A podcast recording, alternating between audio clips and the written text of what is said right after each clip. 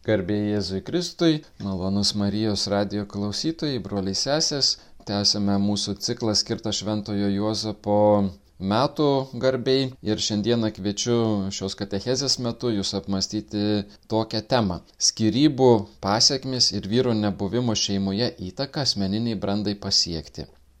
Santykis su tėvu remiasi jo buvimu, emociniu ir jausminiu santykiu kada jis atlieka savo statusus vaidmenis, moko taisyklių ir ribų.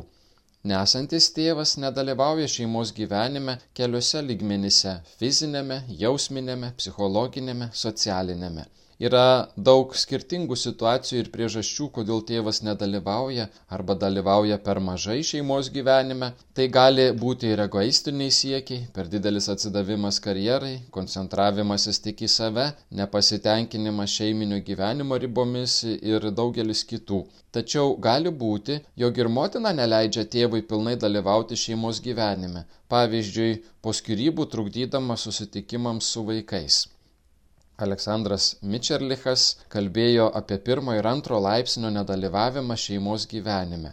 Pirmasis anot jo, kada tėvas fiziškai tampa nematomu.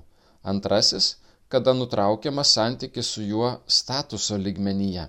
Kada nėra tėvo, mama, tai yra moteris, tampa vieninteliu stabiliu atskaitos tašku Vaikas gali būti įstumtas į savęs nesuvokimo būseną, sukeltą negaunant holistiško buvimo žmogumi paveikslo, paremto trejybinių santykių tarp tėvo, motinos ir vaiko.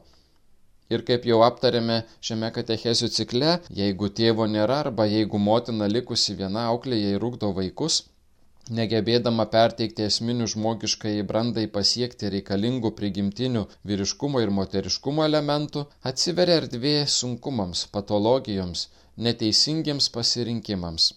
Jeigu pabandytume išvardinti priežastis, kodėl tėvas gali nedalyvauti vaiko auklėjime, matytume daugybę įvairiausių aplinkybių ir priežasčių, objektyvių, subjektyvių, įtakotų mūsų pasirinkimų ir pasąmoninio veikimo, mūsų prigimtinio gyvenimo šeimoje pavyzdžio.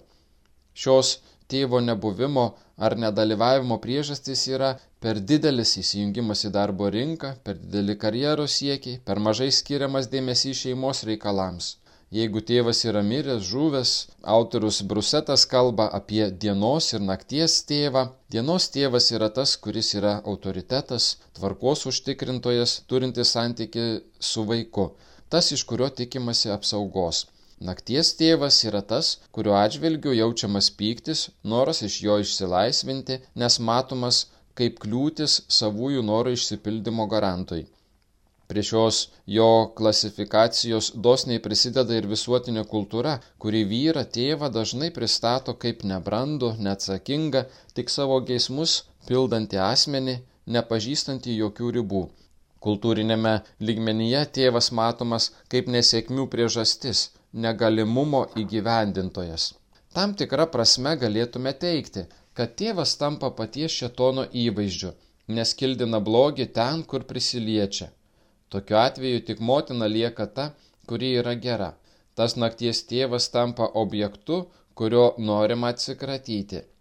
Dar vienas būdas žvelgti į eliminuojamą tėvystę pagal e, Xavier Lacroix akis žvelgiant - šešėlyje esantis tėvas. Čia ypatinga svarba tenka biotehnologijoms ir moderniųjų laikų įstatyminiai baziai. Autorius indikuoja penkias rizikos kategorijas, naikinančias santyki su tėvu. Pirmoji, kada kalbama apie tėvystę, vakarų įstatymuose ir kultūrinėme kalbėjime nebelieka būtinybės kalbėti apie vyru ir moters tėvystę. Antroji, normalu kai kuriuose valstybėse, kad leidžiama daryti abortą nekreipiant dėmesio į tėvo norą. Trečia, kontracepcija laikoma klausimų susijusių vien tik su moters teisėmis.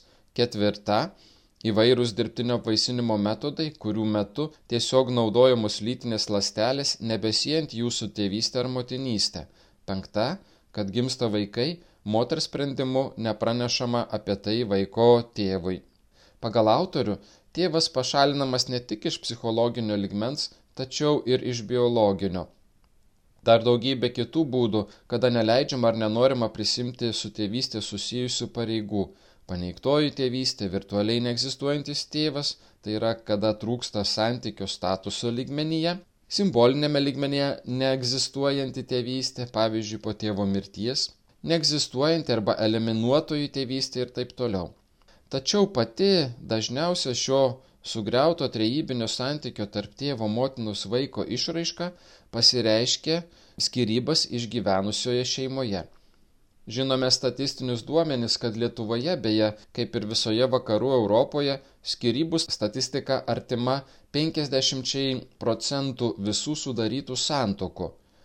Nuoširdžiai ir objektyviai galime teikti, jog tai yra viena didžiausių priežasčių arba įvardinkime tai yra pagrindinis santykio su tėvu kūrimo kliuvinys ir sužaloto santykio atsiradimo prielaida - skirybos.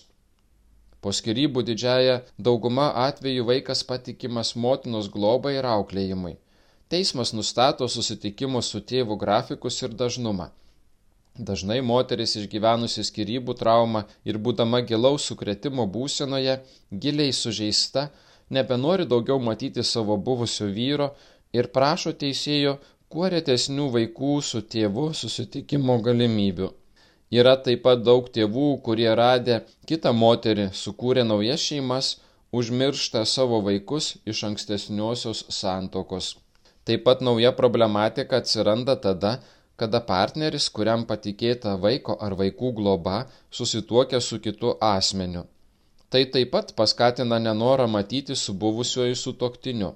Tokia situacija gali kildinti sunkumų ne tik vaiko naujo santykio kūrimai, mastant apie tai, kas yra tas naujas vyras jam, galbūt naujas tėtis, tačiau ir pildant teismo nuosprendį laikytis nustatyto susitikimų grafiko, priklausančio pagal įstatymą prigimtiniam tėvui. Būtent dėl to galime šiandien kalbėti apie realų tėvo nebuvimą vaiko psichologinėme ir socialinėme gyvenime.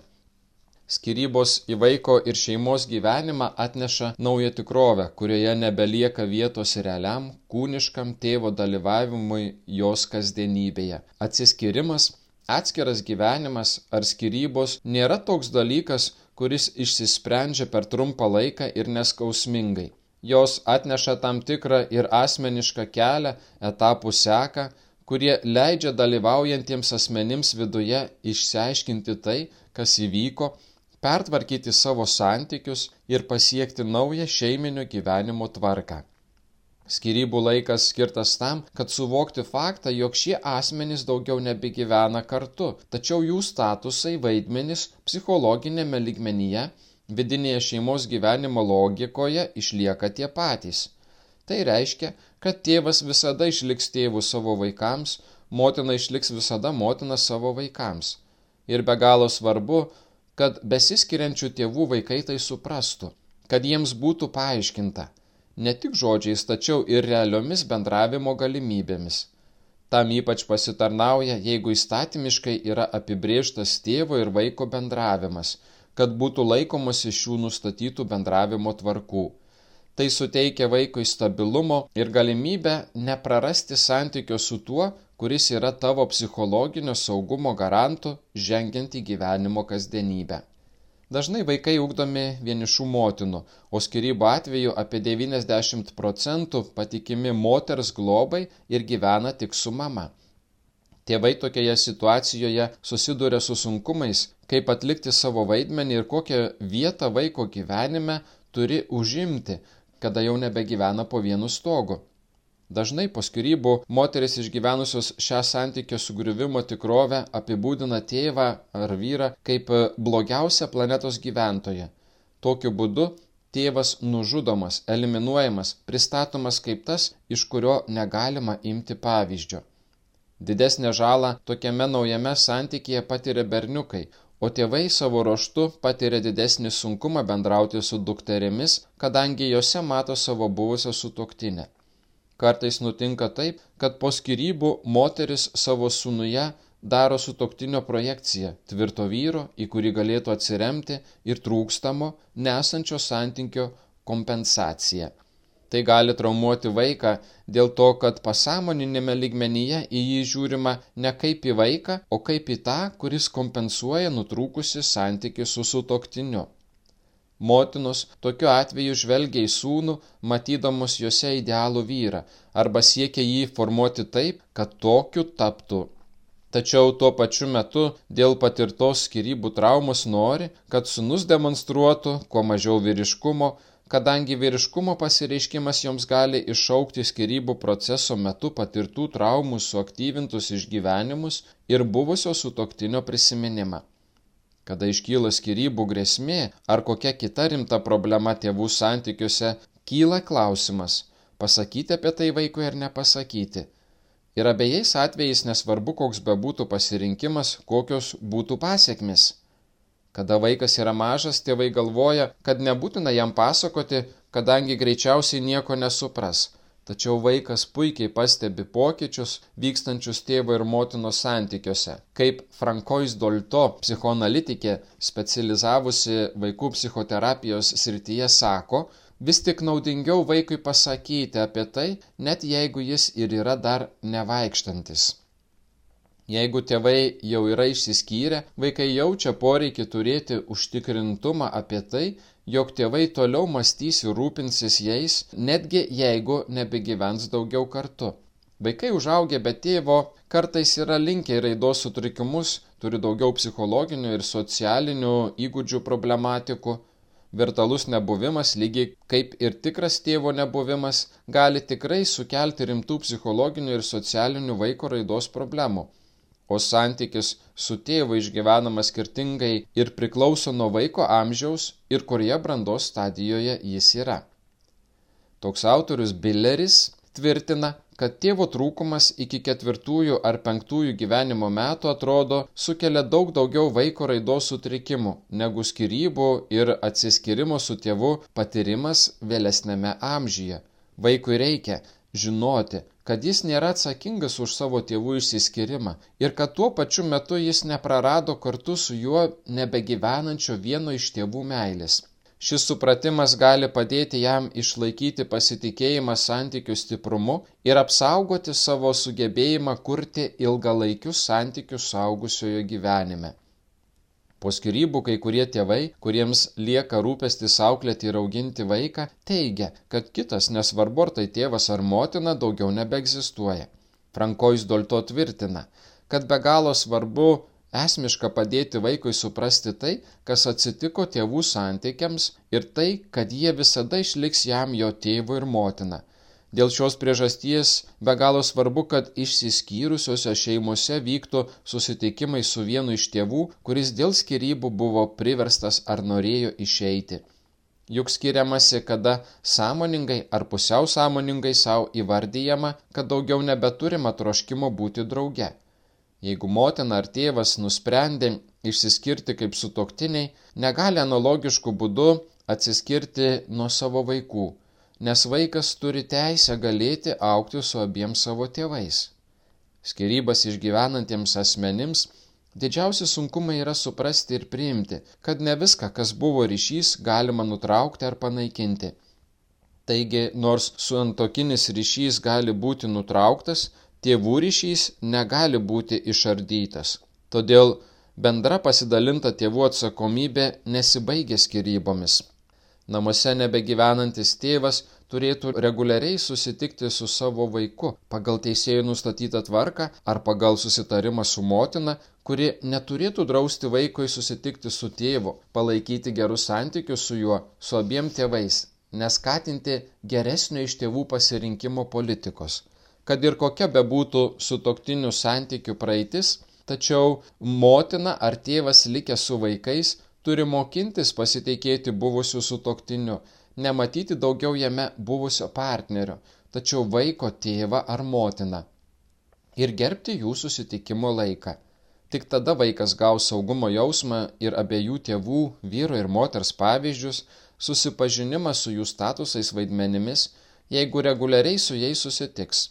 Vieno iš tėvų užduotis, kuris lieka vienas, žinoma, nėra lengva nes trūksta kito sutoktinio palaikymo, o kartu ir kitos lyties tėvo ar motinos vaidmens ir pavyzdžio.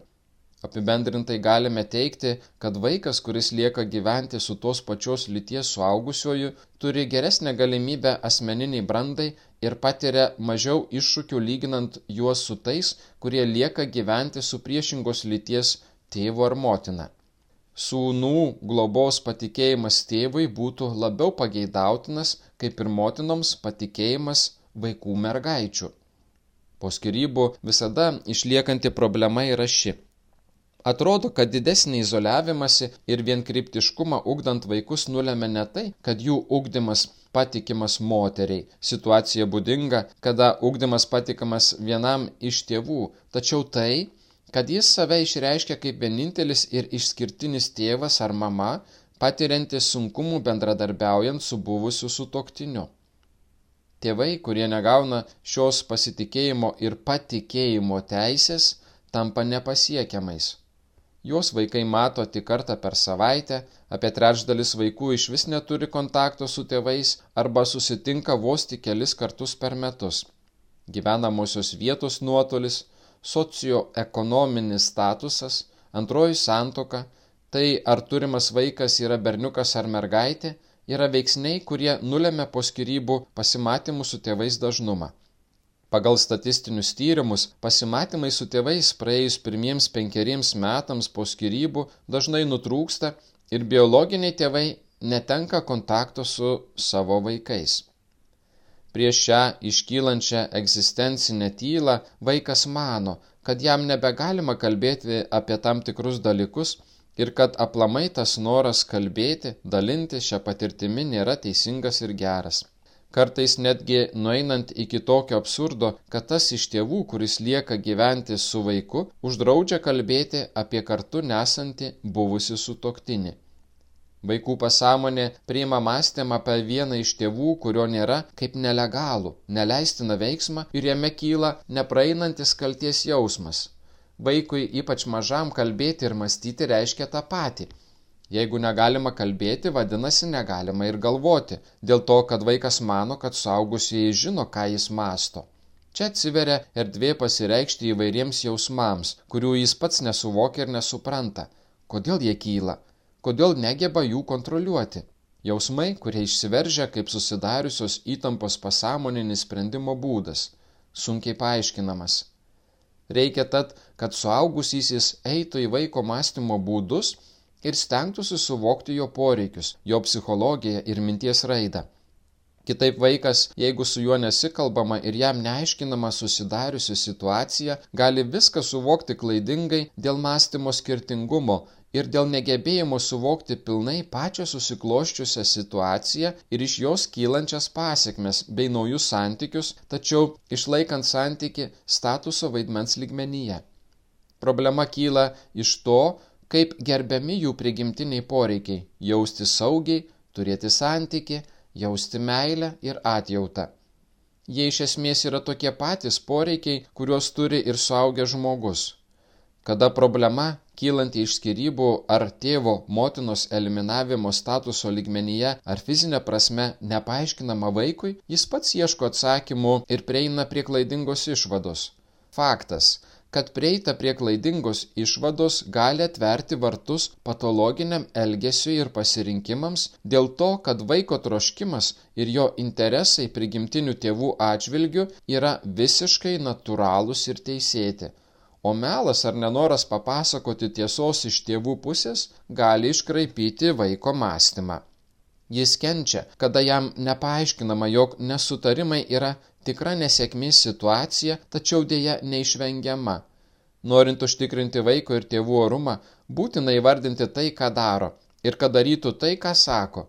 Vaikai, kuriems paaiškinama skausminga tiesa, jaučiasi laimingesni už tuos, kurie nieko nežino apie tai, kodėl tėvai galbūt vis dar gyvena kartu, tačiau elgesi taip, tarsi jau senai būtų išsiskyrę.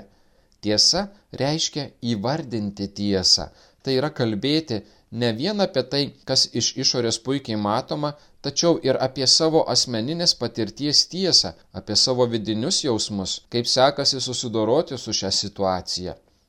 Iš tikro galbūt ir neįmanoma tobulai papasakoti visos tiesos arba visko tiksliai apie tai, kaip jautiesi tą akimirką. Jau vien dėl to, kad šis bandymas įvardinti tiesą apie susidariusią situaciją visada talpins savyje ir tam tikrą subjektivumo aspektą ir mūsų asmeninę nuomonę. Bet kuriuo atveju tai bus prisilietimas prie tiesos, priklausančios nuo to asmens individualumo, jo patirties, tačiau vis tiek asmens, kuris formuoja vaiką, kuris jam perteikia statusų modelį, įsirėžianti giliai į vaikiškąją pasąmonę. Tėvo statusas vaidmuo yra vaiko egzistavimo pagrindas. Tėvo figūros eliminavimas reikštų pačios tėvystės paneigimą ir priešingai. Vaiko pašalinimas taip pat reiškia panaikinamą tėvystę.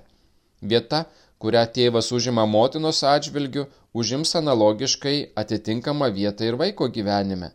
Dėl to, kad iš susitikimo su tikrove gimsta tėvo ir motinos statusai vaidmenys.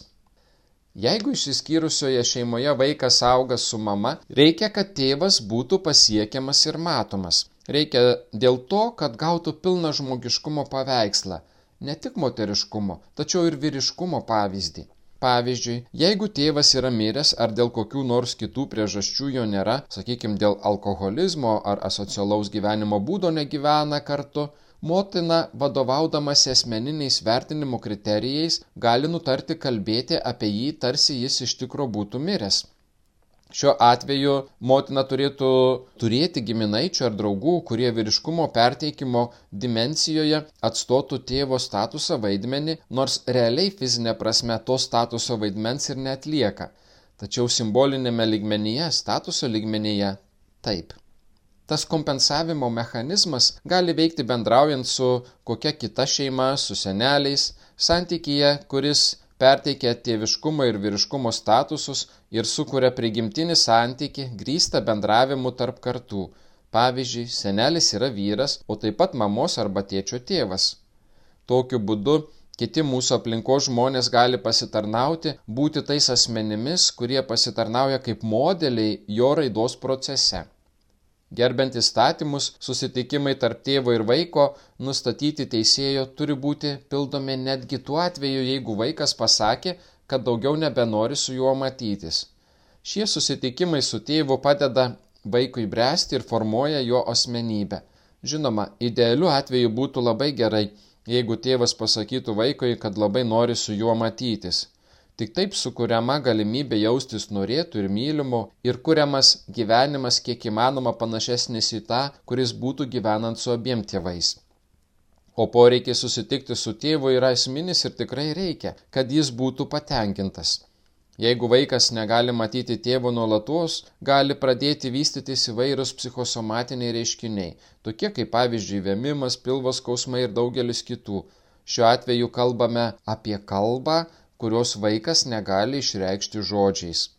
Vaikai, stebėdami išsiskyrusių tėvą, patiria skirtingų emocijų, lengviau priima sprendimus dėl savo lytinės tapatybės ir dėl savo ateities kuriant šeimą ar pasirenkant kažkokį kitokį jiems skirtą gyvenimo kelią. Jeigu kalbame apie mergaitę, ji nežino, ar turės tapti mergina, kuri norės ištekėti, ar norės tapti tąją, kuri išsiskirs. Jeigu kalbam apie berniuką, jis nežino, ar norės tapti vyru su tikslu susituokti ar likti skaiščiu, jeigu jo tėvas iš naujo nesusitokė. Labai svarbu, kad tėvas po skirybų turėtų santykių su vaikais tam, kad neprarastų įtakos jiems ir svarbiausia tame psichologinėme ligmenyje, kaip veikiantis freudistinė terminologija kalbant simbolinės kastracijos instrumentas. Tėvas, kuris yra švelnus, meilus, kuris draugauja su savo vaikais, kuris priartėja prie motiniškos ryties vertybių, sukoncentruoto prie pirminių vaiko poreikių, turėtų hipotetiškai mastant reikšmingai prisidėti prie esminio etikos ir šeimos santykio struktūrų perdavimo egzistencinėme ligmenyje. Nutinka ir taip, kad po skirybų buvę sutoktiniai nebežino ar neapsisprendžia, ką jie vienas kitam reiškia Susidaro tokia situacija, kurioje nebeaišku moteriai ar vyrui, kas jiems nutiko ir kaip čia reikės toliau gyventi. Šis nesaugumas ir neiškumas atsispindi ir vaiko gyvenime. Jeigu po skirybų vaikai nebeturi santykio su išsiskyrusiuoju tėvu, jaučia turintis santokinio ligmens atsakomybę arba reaguoja priešindamiesi ir tapdami nepakeliamai savo motinai, arba gyvena melagingoje skaistybėje melagingame homoseksualume su tokiais pat draugais kaip ir jie patys, pašauktais toms šeiminėms pareigoms. Išsiskyręs tėvas santykėje tarp vaiko ir tėvų turėtų būti stabilumą užtikrinančiu elementu. Tėvogi statusas vaidmuo duoda didesnį saugumą ir suteikia asmeniui, tai yra vaikui, stabilumo kalbant apie jį asmeninio identiteto suradimo lygmenyje. Vaikai patyrę skirybų padarinius atsiduria vieni priešais vyriškosios tėvystės vaidmens ir autoriteto praradimo tikrovę, kuri tampa silpna figūra, kuri nebepasitarnauja daugiau kaip identifikacinis modelis. Ateina motinos eilė pagelbėti vaikui susikurti tinkamą santykį su tėvo statusu vaidmeniu tam, kad galėtų patirti pilną pagalbą asmeniniai brandai pasiekti žmogiškojo ugdymosi proceso metu. Mėly Marijos radijo klausytojai, dėkoju Jums uždėmesi šioje laidoje Katecheze. Priminsiu, jog laidą galite visada paklausyti ir Marijos radijo mediatekoje. Video formatu kviečiu žiūrėti Katechezę Telšių viskupijos YouTube kanale. Taip pat Rašytinį katechezės variantą galite rasti nuėję į, į puslapį internetinę svetainę katalikai.lt skiltis Šventojo Juozapo metai, kur rasite ne tik katechezių tekstą, bet taip pat ir klausimus refleksijai apmąstymui. Linkiu Jums geros dienos. Garbė Jėzui Kristui.